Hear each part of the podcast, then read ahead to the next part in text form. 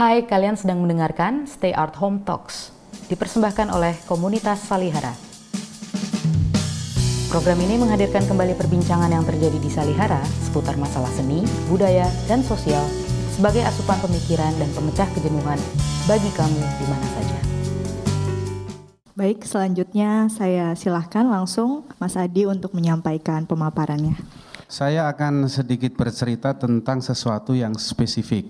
Bagaimana e, melihat bentuk, dalam hal ini bentuk seni visual. Contoh yang kita lihat sehari-hari dalam waktu 10 tahun ini kita banyak sekali bentuk-bentuk visual yang beredar di ruang-ruang publik itu. Baliho-baliho, foto-foto dan lain. Tapi saya ingin melihat, kita ingin melihat kembali dari akarnya bagaimana Islam dan Kristen memahami bentuk. Dalam hal ini seni visual. Dari situ kemudian kita bisa lacak sebenarnya kenapa tadi yang dibicarakan oleh eh, Habib Haidar Bakir ini kok terjadi seperti itu. Di Jawa, Sumatera dan di beberapa daerah di Nusantara itu ada satu bentuk visual tradisional yaitu burok. Burok ini kira-kira makhluk Eh, yang suprahuman sekaligus infrahuman lebih tinggi dan lebih rendah dari manusia di jagat perwayangan Jawa dikenal sebagai kuda terbang atau kuda sembrani tetapi kita kenal makhluk ini juga berasal dari Yunani, India di sana mungkin dikenal Pegasus dan lain-lain gitu ya. Nah dia profan sekaligus sakral di Jawa dikenal kuda terbang Dewi Wilutama yang berkaitan dengan Drona dan Aswatama di mana Durna itu waktu muda itu dibantu oleh si kuda terbang itu untuk menyeberang ke tanah Jawa dan jatuh cinta dan disetubuilah di atas perjalanan di atas laut itu dan akhirnya si kuda ini hamil dan kemudian si Wilutama ini hamil menghasilkan anak namanya Aswatama. Itu yang dikenal di Jawa. Akhirnya buruk itu kira-kira bagi orang Jawa lebih dekat kepada narasi itu. Selain itu ada juga yang namanya di dalam bentuk saya saya meneliti bentuk ini kita bicara tentang bagaimana bentuk-bentuk ekspresi religius tradisional dan nanti kita lihat perkembangannya. Ada juga di dalam wayang Jawa itu disebut jamus kalimasada. Jamus kalimasada itu dalam narasi atau wicara Mahabharata di Jawa itu disamakan begitu saja dengan kalimat syahadat. Jamus itu surat, kalimasada kalimat syahadat itu adalah tiba-tiba klop begitu. Ada suatu proses bagaimana adaptasi atau e, penyerapan itu sedemikian mudah tanpa harus babi bu berpikir hermeneutik dan macam-macam tadi dilakukan saja.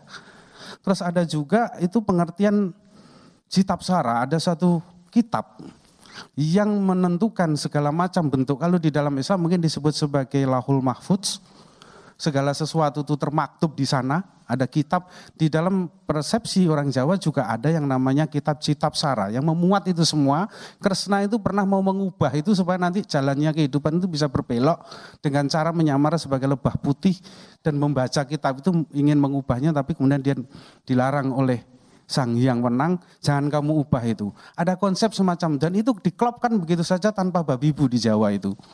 Kemudian ada juga yang formal, bentuk wayang yang kemudian disebut wayang sadat berasal dari sahadat di mana tokoh-tokohnya itu kira-kira bentuknya seperti orang-orang dari Timur Tengah itu. Nah, kemudian yang berikutnya di dalam tradisional itu ada bentuk skriptural tipografis seperti kaligrafi orang bentuknya sholat, salat ya sholat itu tapi bentuk kaligrafi atau bentuknya semar, jimat-jimat dan lain-lain. Jadi ada bermacam-macam bentuk dari yang namanya visual nanti yang nanti akan mempengaruhi itu merupakan cerminan dari mana bagaimana orang di Indonesia Nusantara itu memaknai doktrinnya dan dilahirkan dalam bentuk visual. Jadi bentuk ini adalah e, manifestasi dari pemahaman terhadap yang namanya doktrin. Jadi kalau Anda kenal cerita Buruk, Buruk pastilah bercerita tentang perjalanan spiritual terbesar dalam sejarah Islam yaitu perjalanan Nabi Muhammad dari Masjidil Haram di Mekah menuju Masjidil Aqsa, naik Buruk ditemani malaikat Jibril, setelah itu sampai di Masjidil Aqsa, naik ke langit itu nanti juga naik Buruk. Ada beberapa versi Buruk itu ada yang mengatakan buruk itu selesai di langit kelima, Nabi Muhammad nanti naik lagi dengan malaikat Jibril, si buruk menunggu di wayang sadat ini tidak populer karena tidak berhasil. Kenapa tidak berhasil? Ternyata sesuatu yang sifatnya imajiner. Jadi wayang di Jawa itu dia profan sekaligus sakral, antropologis sekaligus teomorfis, dia abstrak sekaligus representasional, jadi tembus sehingga eh, faktor imajinernya itu menjadi sangat kuat, tapi begitu dibentuk dalam bentuk-bentuk yang sifatnya antropomorfis, manusiawi, dia tidak tidak populer. Sehingga hilang kemampuan untuk merepresentasikan yang sakral tadi hilang karena dia menjadi figuratif, menjadi ke bentuk manusia. Jadi manusia tubuh itu tidak tidak sanggup merepresentasikan antara yang sakral dan profan tadi sehingga uh, dia menjadi figur yang manusiawi antropomorfis dan itu tidak berhasil dan itu tidak populer hanya di komunitas-komunitas tertentu. Artinya formalisme adalah tidak pernah mendatangkan hasil di Jawa itu. Bentuk-bentuk transformasi formalistik itu wali-wali itu tidak pernah menggunakan ini. Dia tidak mengubah bentuk wayang tapi mengisi doktrin narasinya itu tidak mengubah bentuknya.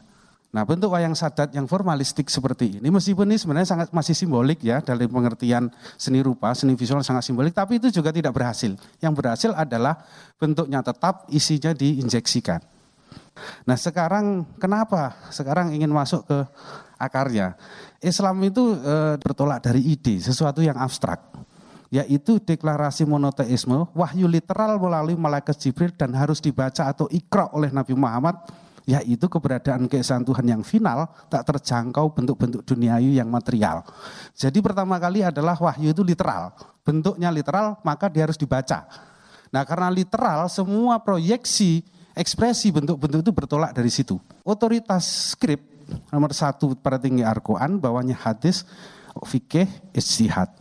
Nah berasal dari sini karena wataknya itu ide, dan itu berasal dari skrip, maka bentuk harus skriptural. Skrip adalah bentuk itu sendiri, bentuk adalah makna itu sendiri. Karena dia abstrak. Maka abstraksi adalah abstraksi pada skrip. Bukan abstraksi tentang makhluk hidup. Bukan abstraksi tentang manusia atau hewan dan lain-lain. Isi adalah bentuk, bentuk adalah isi, bentuk literal dipertahankan keasliannya. Status skrip itu primal yang sangat tinggi, menciptakan hierarki tegas antara doktrin literal wahyu tadi dengan kenyataan material dan historis yang heterogen tempat diberlakukannya doktrin. Skrip berada di atas dan mengatasi dunia, dunia harus tunduk kepada skrip atau skrip yang membentuk dunia.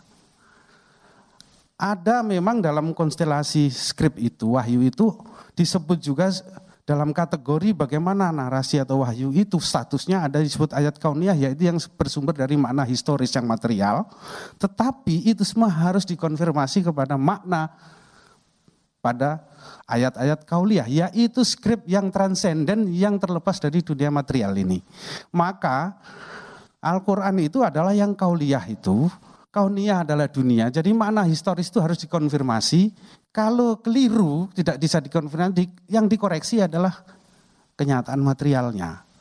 Bukan skripnya, tetapi hubungan ini ketika terjadi diskrepansi atau sesuatu yang tidak sesuai, maka koreksi harus dilakukan. Ini, ini, ini masalahnya nanti dikoreksinya itu, masalahnya. Muncul masalah itu ketika mengoreksinya itu.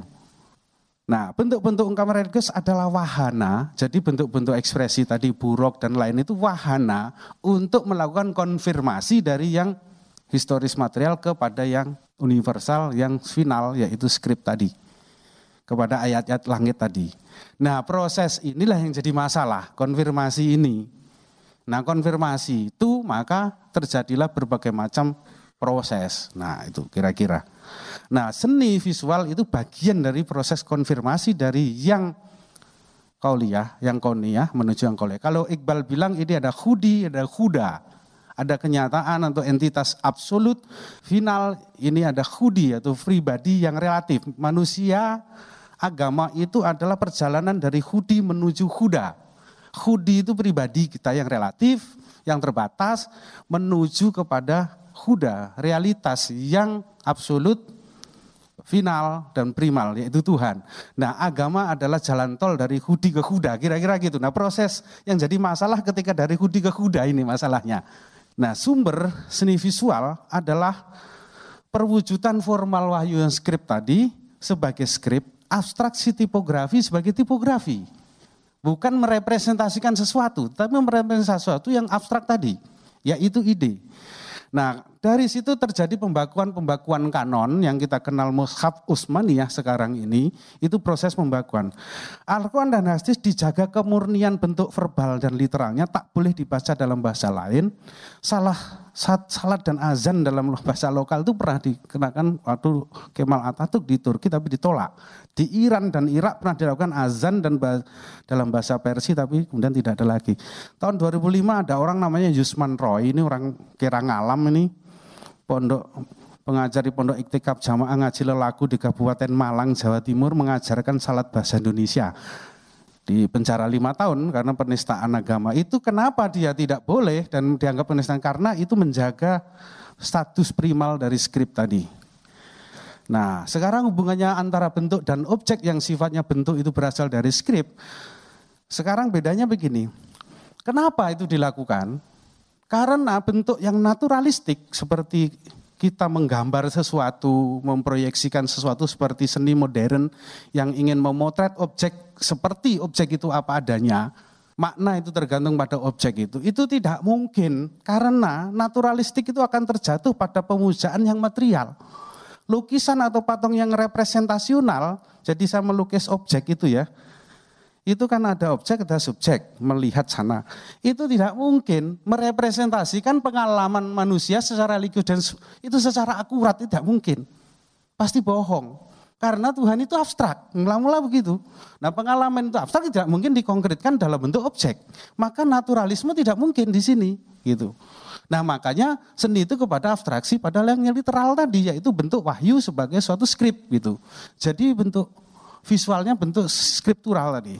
Kaligrafi atau bentuk abstraksi itu bukan representasional. Abstraksi atas objek menunjuk pada bentuk dasar.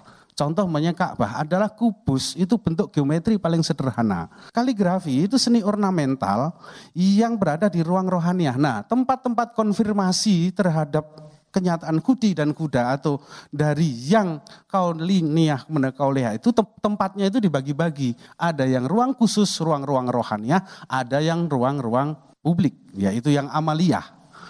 Tidak dibatasi kalau bisa seluas-luasnya di ruang rohania nanti muncul metode ibadah. Ubudiyah itu tidak bisa ditambah-tambah tapi tidak bisa dikurangi. Nah yang di Amalia sana semakin luas. Nah problemnya itu ketika di sana nanti. Nah ruang konfirmasinya seperti ini. Dalam sejarah Islam nanti panjang di situ terangkan bahwa ternyata ruang konfirmasi itu bagaimana cara menyusunnya seperti sehingga kaligrafi itu bagian dari membentuk ruang. Ruang itu tempat kehadiran kosmos, kehadiran Tuhan menjadi lebih intens, maka diciptakanlah ruang dan ruang itu diberi ornamen yang namanya kaligrafi sehingga Tuhan yang abstrak tadi menjadi terasa lebih real, lebih konkret dalam pengertian situasi, ambience, atmosfer dari yang ilahiyah. Jadi pancaran yang ilahiyah itu direkonstruksi dalam satu ruang sehingga kita masuk dalam ruang itu itu menjadi hadir hadir. Nah fungsi seni ornamental eh, kaligrafi itu bagian dari proses untuk membuat itu menjadi nyata dari Tuhan yang abstrak. Ruang konfirmasi berkembang dalam arsitektur tentu saja. Kemudian terjadilah profanisasi setelah seni yang ornamental itu ditarik keluar, dipakai apa saja. Tidak ada lagi kaitannya dengan ruang konfirmasi yang sifatnya rohania. Justru ditarik keluar, dicabut itu bisa nempel di mana saja, bahkan bisa nempel di tempat pelacuran terjadi suatu profanisasi ruang rohaniah itu di mana berlangsung di ruang amaliyah tadi.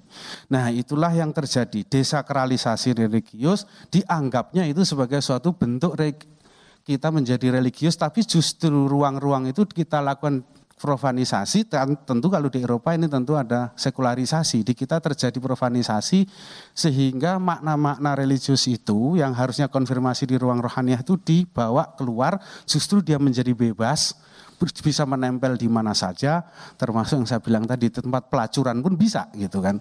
Ini menjadi profanisasi kira-kira prosesnya. Nah sekarang saya sedikit eh, tambahan eh, mengenai catatan ini sebelum masuk ke perspektif Kristen ada dua seni rupa paling tidak seni, yaitu representasional, yaitu punya objek. Jarak antara eksterioritas dan interioritas itu ada. Representasional itu gampangnya kalau Anda melihat lukisan ada gunung, ada ini ada objeknya ya. Itu naturalisme, realisme, figuran. Nah yang non representasional tadi ada objek, eh, tidak ada objek yaitu abstrak. Abstrak ekspresionisme dan lain-lain itu. Kristen itu sebaliknya dari Islam justru bermula dari bentuk. Kalau Islam tadi bermula dari ide, ini bermula dari bentuk, yaitu Tuhan yang menubuh pada manusia yang namanya Yesus Kristus bisa dipegang. Tuhannya itu bisa dipegang, bisa dilihat. Artinya dia bermula dari bentuk. Bermula dari bentuk-bentuk representasional, yaitu manusia historis, berdarah daging. Nah kemudian seni tradisional Kristen itu justru lebih dekat pada seni representasional. Tetapi representasional yang kayak apa? Kalau kita ingat seni tradisional Kristen itu tidak bermula dari seni Yunani, klasik, dan Romawi, di mana Tuhannya itu dewa-dewanya itu dibentuk seperti figur yang realistik begitu, tetapi dia bermula dari kata kombi, yaitu pahatan kuburan bawah tanah di bawah gereja. Azasnya itu ternyata bentuknya itu simbolik. Kenapa simbolik? Seperti di dalam Islam, pengalaman religius, pengalaman terhadap kenyataan yang ilahiyah, sesuatu yang ilahiyah tidak mungkin direpresentasikan secara natural, secara objektif. Itu tidak mungkin. Maka dia harus simbolik, azasnya simbolisme dan bukan naturalisme atau objektivisme. Objektivisme itu dalam seni rupa, saya menggambar Mas Haidar seperti itu. Saya subjek, dia objek. Ya, itu tidak mungkin. Yang dikejar pada naturalisme itu adalah satu, dia ada estetikanya mimetik, menggambar dia sepersis mungkin, seperti apa adanya, seperti kamera memotret seseorang atau objek, persis seperti itu. Nah itu objek, artinya objektivisme dalam pengertian itu. Nah pengalaman religius, pengalaman rohani atau spiritual tidak mungkin dilakukan semacam itu. Maka di dalam Islam itu tidak ada yang namanya seni visual. Seperti itu, yang ada nanti syair, puisi dari penyair sufi biasanya atau musik bukan seni visual yang sifatnya mimetik semacam itu. Nah, nah karena di Kristen itu asasnya objektivisme seperti itu. Kenapa simbolisme? Nah, kita balik sebentar. Sumber otoritas pada Kristen Islam itu Al-Qur'an yang pertama atas terus kemudian di bawahnya hadis, bawahnya lagi nanti fikih, bawahnya lagi kitab-kitab klasik hasil istihad atau mungkin istimak ya, istimak ulama yang dulu ya, bukan yang sekarang ini istimak ya, istimak itu satu. Nah kalau di Kristen posisi yang paling atas itu Yesus tadi karena dia adalah korpusnya, bentuk penubuhan Tuhan secara konkret historis, material. Baru di bawahnya nanti eh, doktrin, Bible, di bawahnya para rasul, bawahnya Nah itu semua dijaga oleh suatu lembaga yang namanya lembaga eh, struktur gereja yang sangat dengan tata rohaniahnya yang sudah dibentuk sedemikian rupa. Nah kenapa simbolisme tidak mungkin tadi merepresentasikan. Kemudian yang kedua itu kenapa simbolisme? Karena itu kalau karya itu tidak simbolik atau natural, itu nanti menimbulkan respons tunggal. Iya atau tidak, maknanya ini atau bukan, hitam atau putih itu namanya responsnya tunggal. Padahal pengalaman-pengalaman ilahiyah itu tidak mungkin tunggal. Maka kalau bentuknya naturalis, maka dia akan menjadi tunggal, menjadi eh, satu arah, menjadi hitam putih. Nah yang kedua, menuju hilangnya batas antara profan dan yang ilahiyah antara tubuh Yesus yang historis dan Tuhan yang suprahistoris, antara subjek manusia dan objek Tuhan itu seninya itu menuju menghilangkan hambatan-hambatan itu, jarak itu tadi supaya semakin intens. Nah, simbolik bentuk seni itu fungsinya membangkitkan intelek. Saya ambil dari Vijayso. Intelek itu kira-kira secara epistemologis itu hilangnya jarak antara yang mengetahui dan yang diketahui. Hilangnya antara objek dan subjek gitu ya. Kalau naturalistik justru sebaliknya bertolak pada akal budi. Akal budi itu artinya ada objek, ada subjek, ada jarak, ada saya, ada Anda. Ada Tuhan yang di sebelah sana, ada saya yang sebelah sini. Nah akal budi dan intelek sesuatu yang benar. Seni Kristen tradisional itu justru mau menghapus akal budi. Ini dalam pengertian bukan menghapus, mengatasi hambatan-hambatan ketika kamu berada di konstruksi akal budi supaya kamu maju kepada intelek. Simbolik itu elemennya pun cara membuat elemennya itu juga tidak bisa sembarangan. Batu tidak boleh dibentuk seolah-olah dinamis karena hal itu melawan watak batu yang lembam. Jadi koheren antara ide, watak material, fungsi itu harus integral. Jadi kalau batu itu dipahat sedemikian rupa sehingga melawan gravitasi, watak itu itu hilang kemampuan untuk membangkitkan kehadiran yang ilahiyah itu. Sementara seni modern itu sebaliknya, ditaklukkan materi itu kemudian dibentuk sedemikian rupa sehingga watak-watak naturalnya itu hilang di, di sini artinya menjadi naturalistik dalam arti watak dasar material itu jangan dibentuk berdasarkan watak yang bertentangan dengan material itu. Maka pada waktu itu hanya orang-orang yang mampu memahami itu yang memahat. Nah berbeda nanti ketika patung-patung Yesus itu diproduksi di toko-toko souvenir, itu lain soal itu nanti. Ini bedanya. Naturalisme dianggap melanggar watak material bahan. Seni pahat membuat batu seolah dinamis. Seni lukis membuat bidang datar dua dimensional seolah tiga dimensi. Ini tidak boleh, karena itu akan menghilangkan. Jadi tujuannya itu membangkitkan pancaran daya-daya ilahiyah itu. Bukan untuk membuat objek.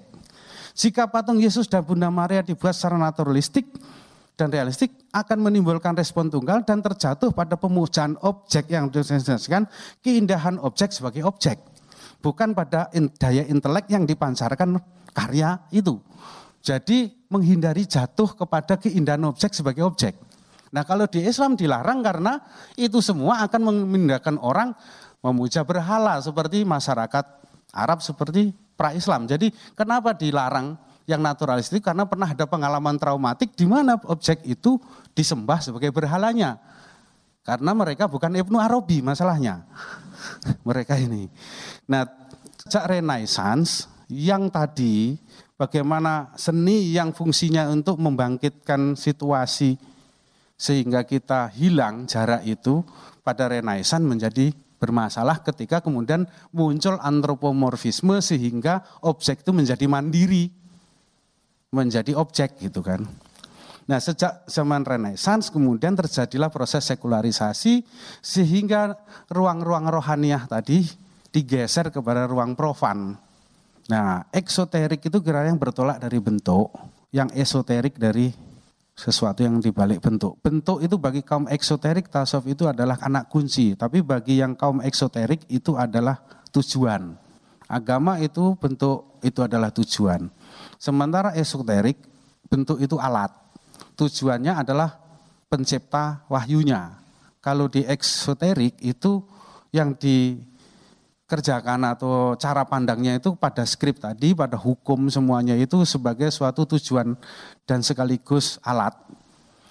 Nah kalau esoterik bukan kepada bentuk dan skripnya tetapi tujuan dia adalah sasarannya adalah pembuat skripnya maka ceritanya adalah mengenai bagaimana dia berhubungan dengan si pembuat skrip. Hubungan cintanya, hubungan ininya gitu kan. Nah, esoterisme ini nanti bisa lebih jauh nanti kaum esoterik menyingkirkan bentuk simbolik sebagai yang relatif karena jika kebenaran, ya jadi bentuk itu dalam pengertian e, bentuk ekspresif itu adalah relatif. Tetapi bagi esoterisme itu berbahaya karena kalau kita itu menerima kebenaran dalam bentuk-bentuk itu relatif, berarti kita harus menerima segala sesuatu menjadi relatif. Sehingga finalitas doktrin itu akan menjadi goyah. Maka tidak boleh itu. Itu sangat berbahaya. Segala sesuatu itu berarti harus relatif. Nah, kalau relatif dia tidak final. Nah, itu doktrinnya bisa berbahaya. Karena apa? Kita harus ajarkan doktrin itu sesuatu yang final, total, dan menyeluruh. Nah, dasar menyeluruh itu bisa batal gara-gara kalau kita menerima bentuk yang relatif. Itu. Eksoterisme tidak dapat dan tidak mungkin ditiadakan. Karena itu adalah bentuk nyata atau perwujudan formal agama.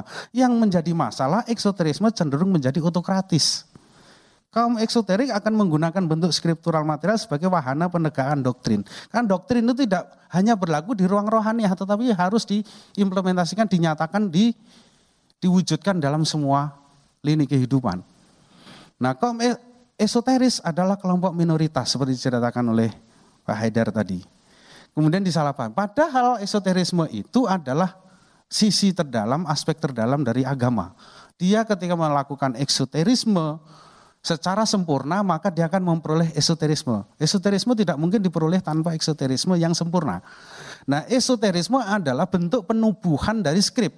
Kalau skrip itu dipahami sebagai skrip dia akan sebagai bentuk-bentuk hukum formal dan dia akan mati di situ, berhenti di situ, maka kaum sufi menganggap itu harus dimaknai lebih jauh lagi sehingga skrip tidak mati dan mendapatkan penubuhan. Seperti halnya nanti skrip akan mendapatkan suatu penubuhan menjadi lengkap, menjadi penuh ketika ditubuhkan, yaitu pada esoterisme. Pada tasawuf ditubuhkan di sana seperti halnya Tuhan menjadi nyata, menjadi menubuh. Dan itu cara satu-satunya tidak ada cara yang lain. Yang jadi masalah kemudian pengalaman esoterik itu selalu berbeda-beda. Meskipun dasarnya sama, maka melahirkan bentuk yang heterogen. Nah bentuk yang heterogen itu menjadi relatif, padahal yang relatif itu berbahaya terhadap dasar finalitas doktrin bagi esoterisme. Karena bentuk nyata agama adalah eksoterisme. Kalau itu diterima, maka esoterisme bisa berbahaya karena itu lagi-lagi bisa membatalkan yang namanya finalitas doktrin. Di situlah yang jadi masalah kemudian mayoritas umat Islam ada eksoterik. Bagi kaum eksoterik, penggunaan bentuk-bentuk ekspresi material formal menjadi wahana efektif untuk meneguhkan identitas kolektifnya. Karena sifatnya bukan personal, dia bersifatnya umum. Bagi sebagian eksoterik, kebenaran bahkan diidentikan dengan bentuk-bentuk material formal. Ini kemudian yang bisa diterima di kaum eksoterik dan di situlah ruang publik tempat berlangsungnya berbagai macam pertandingan bentuk-bentuk eksoterik visual tadi. Yang satu tuh alasannya itu alasan agama, yang satu mungkin di dalam masyarakat, di dalam ruang visual kita itu banyak juga yang berasal dari produk-produk kapitalisme. Sebenarnya yang satu didorong oleh yang namanya histeria konsumsi, yang satu oleh histeria eksak, eh apalah, histeria doktrin devosi keagamaan. Sebenarnya makhluknya sama, yang satu janjinya surga, yang satu janjinya kenikmatan konsumsi. Bertandung yang di sana, bertarung ini. Sama-sama memperoleh histeria itu. Dan sekarang itulah yang sedang kita alami. Nah bentuk artistik yang sifatnya berbeda tadi, yang simbolik, yang berlapis-lapis tadi tidak ada lagi ruangnya. Karena semuanya itu berada di keranjang besar, bertanding di sana. Tentu yang eksoterik itu basisnya bentuk dan masal itu yang akan menang dengan sendirinya. Maka tidak ada harapan, tidak ada masa depan untuk yang eksoterik tadi dalam lingkup semacam kancah semacam ini. Nah dari situlah kira makanya sekarang produksi bentuk-bentuk yang itu justru berlangsung di akar tradisi kita sebenarnya kekuatan itu. Itu yang kemudian saya maksud dalam konteks ini dalam seni visual seni rupa itu hilang kalau tadi Mas Haidar bilang itu ihsan, kalau dari bentuk secara visual dan tradisi seni yang artistik, yang tradisional tadi yang lenyap dan itu saya kira arahnya ke sana yang perlu kita kita bangkit. Karena bentuk itu yang paling nyata dari kehadiran seperti Ibn Arabi, bebaskan Tuhan saya dari nama-nama, justru karena saya terbelenggu bentuk, tolong saya itu dibebaskan dari belenggu itu. Nah belenggu yang skriptural dan belenggu yang tadi sifatnya intelek tadi, ini yang intelek itu hilang dan itulah sekarang kira-kira akibatnya ya kita lihat di ruang publik sekarang itu seperti ini. Karena kita tidak tahu bahwa yang namanya ekspresi-ekspresi yang plural itu justru yang esoterik itu yang kemudian kita hajar, kita musnahkan dan dari situ kita banyak kehilangan. Saya sebagai pengamat seni rupa juga uh, sedih juga kehilangan khazanah juga kita ini. Ya nanti kita diskusi lebih jauh kira-kira seperti itu. Terima kasih.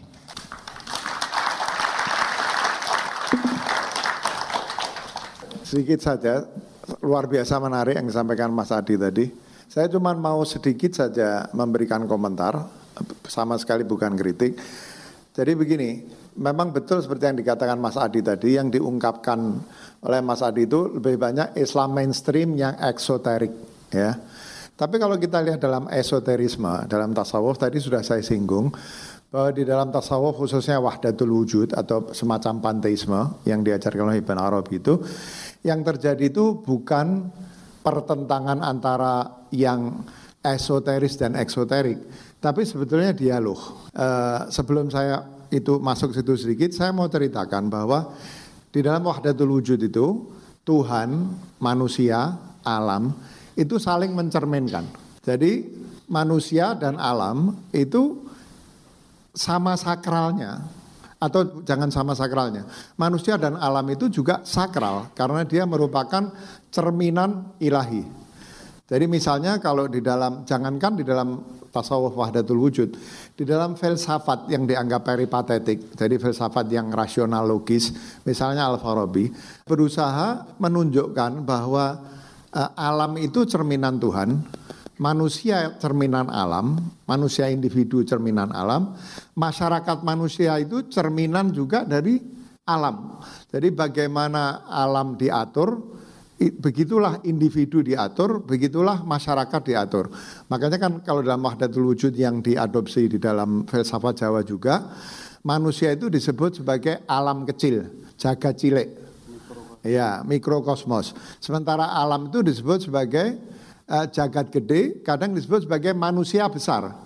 Jadi manusia disebut sebagai alam kecil, alam itu disebut sebagai manusia dalam ukuran besar. Jadi kalau di dalam esoterisme tadi itu sebetulnya pertama yang yang bersifat apa namanya makhluk yang material sekalipun itu sebetulnya sakral karena dia merupakan wadah yang menangkap bayangan Tuhan di situ. Sampai tadi saya kasih contoh yang ekstrim. Uh, kemudian manusia misalnya, da, itu di dalam tasawuf itu ada empat tradisi kenabian yang selalu dikutip. Salah satunya yang pasti ada di buku tasawuf itu man arafa nafsah faqad arafa rabbah. Siapa yang mengenali dirinya, maka dia mengenali Tuhannya. Itu menunjukkan bahwa manusia itu di dalam mistisisme Islam dilihat sebagai sesuatu yang uh, men, me, menyerap menyerap sifat-sifat ketuhanan di dalam dirinya, ya. Nah, jadi manusia itu menyerap sifat ketuhanan, alam menyerap sifat ketuhanan. Sebetulnya bahkan di dalam wahdatul wujud itu, ya. Uh, Al-Quran, skrip tadi, alam, manusia, itu ketiga-tiganya menampung e, menjadi cermin ketuhanan yang sama kuatnya. Jadi ketimbang mengatakan, ini karena tadi kan Mas Adi memang banyak bicara yang eksoteris. Saya lengkapi sedikit. Kalau dalam esoterisme itu, menurut saya tidak ada keperluan untuk mengkonfirmasi yang non skrip dengan skrip. Yang terjadi itu dialog. Jadi disebut takwil. Takwil itu dekat seperti gagasan tentang hermeneutik cycle-nya Paul Ricoeur.